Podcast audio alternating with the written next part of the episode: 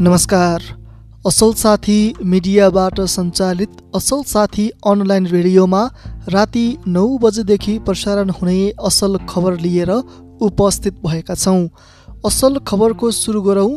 माधव नेपाल समूहसँगको छलफल सकारात्मक भएको प्रदीप गेवालीको यस भनाइबाट। नेकपा एमालेका सचिव प्रदीप गेवालीले पार्टी अध्यक्ष केपी शर्मा ओली समूह र वरिष्ठ नेता माधव कुमार नेपाल समूह बीचको भेटवार्ता सकारात्मक रहेको बताउनु भएको छ। निष्कर्षमा नपुगे पनि सारमा आजको छलफल सकारात्मक रहेको छ। उहाँले भन्नुभयो अब हामी विभिन्न चरणमा बस्छौँ कुराकानीहरू गर्छौँ र मलाई विश्वास छ आजको छलफलले एउटा साझा धरातल निर्माण गर्नेछ। उहाँका अनुसार फागुन अठाइस गते अध्यक्ष केपी शर्मा ओली समूहले गरेको निर्णय स्थगन गर्नुपर्ने माग माधव कुमार नेपाल समूहले राखेको थियो। उहाँहरूले अठाइस गतेको बैठकमा हामी उपस्थित भएनौँ त्यस कारणले गर्दा त्यो बैठकका निर्णयहरूलाई कसरी स्वामित्व ग्रहण गर्ने स्थगन गर्न सकिन्छ कि भनेर उहाँहरूले भन्नुभएको छ। हामीले अब अगाडि बढौँ ती निर्णयहरूमा पुनरावलोकन गर्नुपर्नेछ समीक्षा गर्नुपर्नेछ केही कुराहरूमा थप सुधार गर्नुपर्नेछ भने त्यसमा छलफल गर्दै जान सकिन्छ। त्यसमा छलफल गर्दै जाउँ भन्ने आग्रह गरेका छौँ गेवालीले भन्नुभयो। दुवै पक्षले आफ्ना कुरा राखेको भन्दै उहाँले थप्नुभयो हामी ठ्याक्कै निष्कर्षमा पुगिसकेका छैनौँ एउटै बिन्दुमा पुगिसकेका छैनौँ। नेता गेवालीले आफूहरूले माधव नेपाल पक्षलाई चैत चार र पाँच गते बोलाएको राष्ट्रिय कार्यकर्ता भेला स्थगन गर्न आग्रह गर्नुभएको सुनाउनुभयो। नेपाली काङ्ग्रेस संसदीय दलका प्रमुख सचेतक बालकृष्ण खाँडले सत्तारूढ दल संसदलाई अगाडि बढाउने मानसिकतामा नरहेको आरोप लगाउनु भएको छ। सोमबार संसदको कार्यव्यवस्था तथा परामर्श समितिको बैठकपछि सञ्चारकर्मीलाई प्रतिक्रिया दिँदै प्रमुख सचेतक खाँडले सत्तापक्ष संसदलाई गतिशील र प्रभावकारी ढङ्गले अगाडि बढाउने पक्षमा नरहेको आरोप लगाउनु भएको छ। मङ्गलबार संसदको बैठक बस्ने भए पनि सरकारले हालसम्म कुनै पनि बिजनेस नदिएको उहाँको भनाइ छ। सरकारले जारी गरेका अध्यादेश सदन चलेका बेलामा विधेयककै रूपमा अगाडि बढाउनु पर्ने भए पनि ती अध्यादेशलाई अगाडि बढाउने सम्बन्धमा पनि सरकार गम्भीर नभएको खाँडले बताउनुभयो। नेपाली काङ्ग्रेसका वरिष्ठ नेता रामचन्द्र पौडेलले अहिलेको अवस्थामा आफ्नो पार्टीलाई सत्तामा जानभन्दा व्यवस्थाको रक्षा गर्नु प्रमुख चुनौती रहेको बताउनु भएको छ।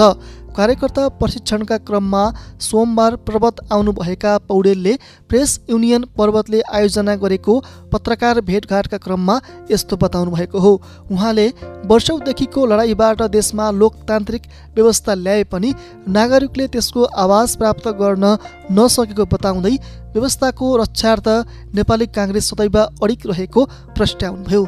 अर्को प्रसङ्गमा नेता पौडेलले सत्ता समीकरणको सन्दर्भमा पार्टीका सभापति शेरबहादुर देउवालाई सम्पूर्ण जिम्मेवारी प्रदान गरिएको बताउनुभयो। सरकारमा जानका लागि अर्कैलाई साथ दिने हो वा आफै नेतृत्व गर्ने हो भन्ने सभापतिलाई अधिकार दिएका छौँ उहाँले भन्नुभयो।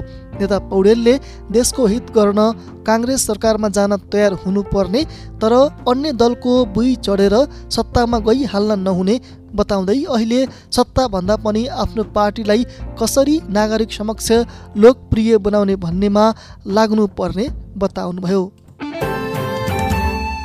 सगरमाथा आरोहणका लागि बहराइनका राजकुमार सहितको टोली नेपाल आइपुगेको छ। बहराइनका राजकुमार Sheikh Mohammed Hamad Mohammed Al Khalifa सहितको सोह्रजनाको टोली विशेष विमान मार्फत नेपाल आइपुगेको हो। टोलीमा तेह्रजना बहराइन रोयल गार्ड डिफेन्स फोर्सका तेह्रजना र तिनजना बेलायती नागरिक पनि छन्।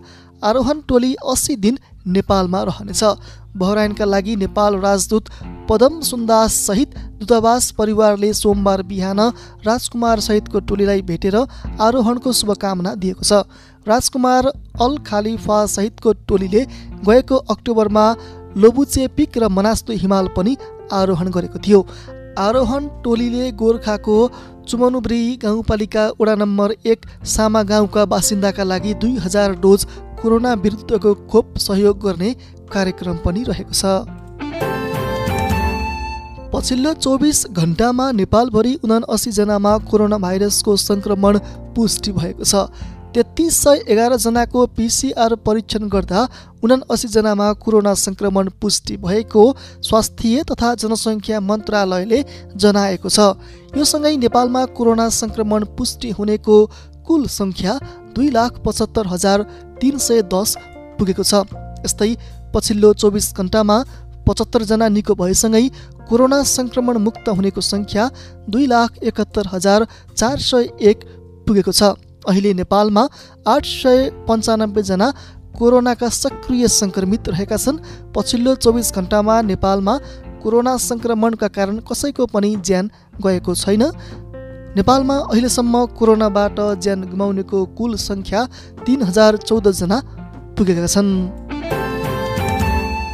सेयर बजार परिसूचक नेप्से सोमबार अठार अङ्कभन्दा धेरैले घटेको छ।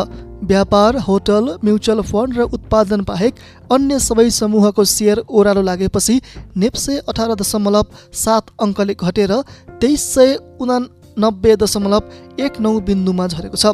सोमबार बैङ्किङ समूहको सेयर सत्र अङ्कले विकास बैङ्कको सेयर एघार अङ्कले फाइनेन्सको सात अङ्कले अन्यको अडतिस माइक्रो फाइनेन्सको पच्चिस जीवन बिमा समूहको एक सय एक्काइस र निर्जीवन बिमा समूहको सेयर एक सय बयानब्बे अङ्कले घटेको छ।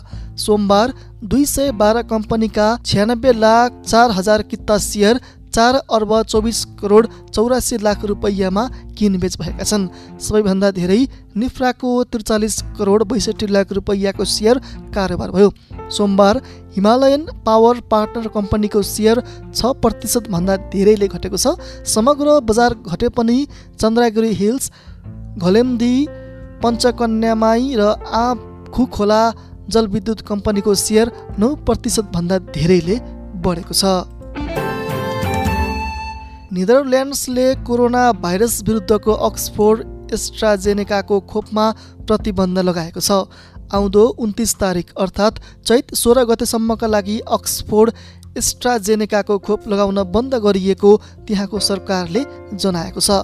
नर्वेमा खोप लगाएका वयस्कमा समस्या देखिएको खबर आएपछि यसअघि रिपब्लिक अफ आयरल्यान्ड्सले पनि अक्सफोर्ड एस्ट्राजेनेकाको खोपको प्रयोग तत्कालका लागि बन्द गरेको थियो तर विश्व स्वास्थ्य सङ्गठन डब्लुएचओले भने यो खोप र रगत जम्ने समस्यासँग कुनै सम्बन्ध नरहेको जनाएको छ।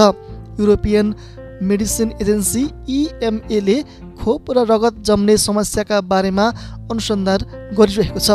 यसअघि डेनमार्क नर्वे बुल्गेरिया आइसल्यान्ड्स र थाइल्यान्ड्सले पनि अक्सफोर्ड एक्स एस्ट्राजेनेकाको खोप लगाउन तत्कालका लागि बन्द गरेका थिए। डेनमार्क र नर्वेबाट आएका खबरलाई मध्यनजर गरेर सम्भावित गम्भीर साइड इफेक्टलाई ध्यानमा राखेर तत्कालका लागि खोपको प्रयोग रोकिएको नेदरल्यान्ड सरकारले जनाएको छ। खोपका सम्बन्धमा रहेको शङ्का हटेपछि मात्रै अघि बढ्ने त्यहाँका स्वास्थ्य मन्त्री हुगो डी जोङ्गेले बताएका बिबिसीले जनाएको छ। म्यानमारकी प्रजातन्त्रवादी नेत्री आङ सान सुकीलाई अदालतमा पेश गर्ने कार्य स्थगित भएको छ। गएको जनवरी एकमा सेनाले सत्ता कब्जा गरे लगत्तै पक्राउ परेकी सुकीलाई सोमबार अदालतमा पेश गर्ने योजना थियो। इन्टरनेटको माध्यमबाट अदालतमा पेश गर्ने कार्यक्रम रहेको भए पनि प्राविधिक कारण देखाउँदै स्थगित गरिएको बिबिसीले जनाएको छ। चुनावमा धाँधली भएको भन्दै पक्राउ परेकी सुकीलाई सैन्य शासकहरूले भ्रष्टाचारसहित विभिन्न मुद्दा दर्ता गराएका छन्। यद्यपि सेनाले एक वर्षभित्र चुनाव गरी निर्वाचित सरकारलाई नेतृत्व सुम्पन आफू तयार रहेको धारणा सार्वजनिक गर्दै आएको छ।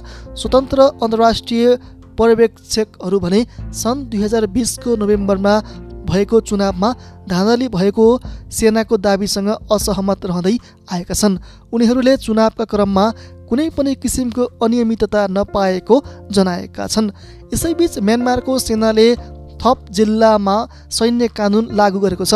सेनाले सत्ता कब्जा गरेको विरोधमा भएको प्रदर्शन अन्तर्गत आइतबार एकै दिन झन्डै पचासजनाको ज्यान गएपछि थप जिल्लामा सैन्य कानुन लागू गरिएको हो। असल खबरमा अब खेल समाचार। कर्णाली प्रदेशको राजधानी वीरेन्द्रनगरमा प्रदेश स्तरीय भलिबल प्रतियोगिता हुने भएको छ। आयोजक चुली युवा क्लबले सोमबार पत्रकार सम्मेलन गरी चैत एघारदेखि चौध गतेसम्म वीरेन्द्रनगरमा प्रथम चुली कप प्रदेश स्तरीय भलिबल प्रतियोगिता हुने जानकारी दिएको छ। कोरोना महामारीका कारण लामो समय खेलकुदका गतिविधि सुस्त भएको बेला आफूहरूले प्रतियोगिता सञ्चालन गरेर प्रदेशको खेलकुद क्षेत्रलाई चलायमान बनाउने प्रयास गरेको क्लबका अध्यक्ष महेश जीसीले बताउनुभयो। जिल्ला खेलकुद विकास समितिको मैदानमा हुने प्रतियोगिता लिग आउट फर्मेटमा सञ्चालन हुने आयोजकले जनाएको छ। अध्यक्ष जेसीका अनुसार प्रतियोगितामा देशभरका जुनसुकै क्लबले पनि सहभागिता जनाउन सक्नेछन्। प्रतियोगिताको विजेताले दुई लाख रुपैयाँ नगद पुरस्कार प्राप्त गर्नेछ भने उपविजेताले एक लाख पचास हजार रुपैयाँ पाउनेछ। यस्तै तेस्रो हुने टिमले एक लाख र सान्त्वना स्थान प्राप्त गर्ने टिमले पचास हजार रुपैयाँ पाउनेछन्। भलिबल प्रतियोगिता सञ्चालनका लागि निजी क्षेत्रबाट आर्थिक सहयोग भएको क्लबका अध्यक्ष जीसीले जानकारी दिनुभयो।